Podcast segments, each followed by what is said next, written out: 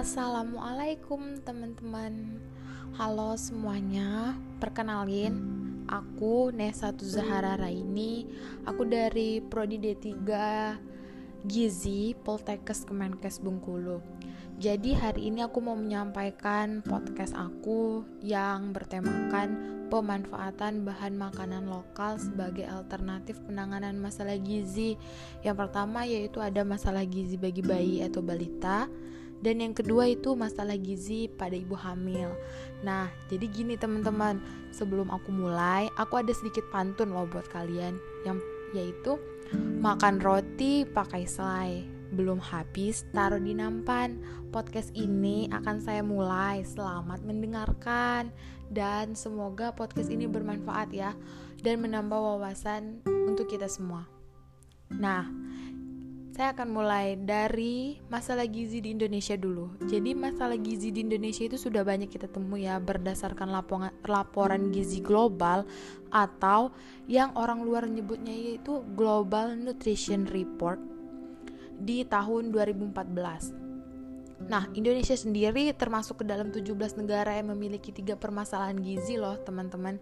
Jadi yang pertama yaitu ada stunting atau pendek terus wasting atau kurus dan overweight atau gizi lebih atau kita juga sebagai orang gizi mengenalnya sebagai obesitas. Nah, dari ketiga masalah itu Indonesia menjadi urutan ke 17 loh teman-teman yang mempunyai masalah ketiga itu tadi. Jadi, di sini saya akan memanfaatkan bahan makanan lokal itu sebagai alternatif dari penanganan gizi itu sendiri.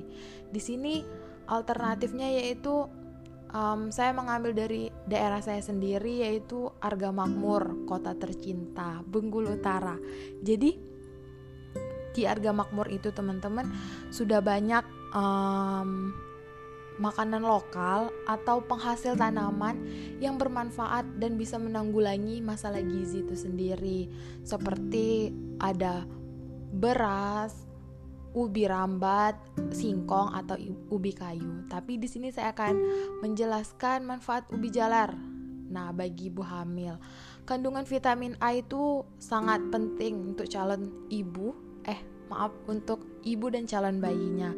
Karena di ubi jalar itu kaya akan vitamin C dan besi. Terus penuh akan kalsium dan kalium. Dan yang keempat, ubi juga mengandung serat. Terus Ubi juga memiliki banyak vitamin B6 yang bagus untuk ibu itu sendiri. Nah, saat mengkonsumsi ubi pada saat hamil itu menjadi sebuah vitamin yang kaya akan dihasilkan dari si ubi ini sendiri karena vitamin C juga dapat membantu dalam penyerapan gizi yang sangat penting untuk kesehatan bayi selama masa kehamilan.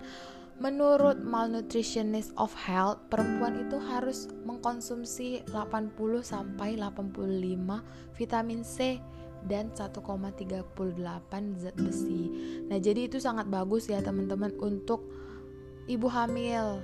Terus vitamin A itu juga sangat bagus dan juga terdapat di ubi itu sendiri.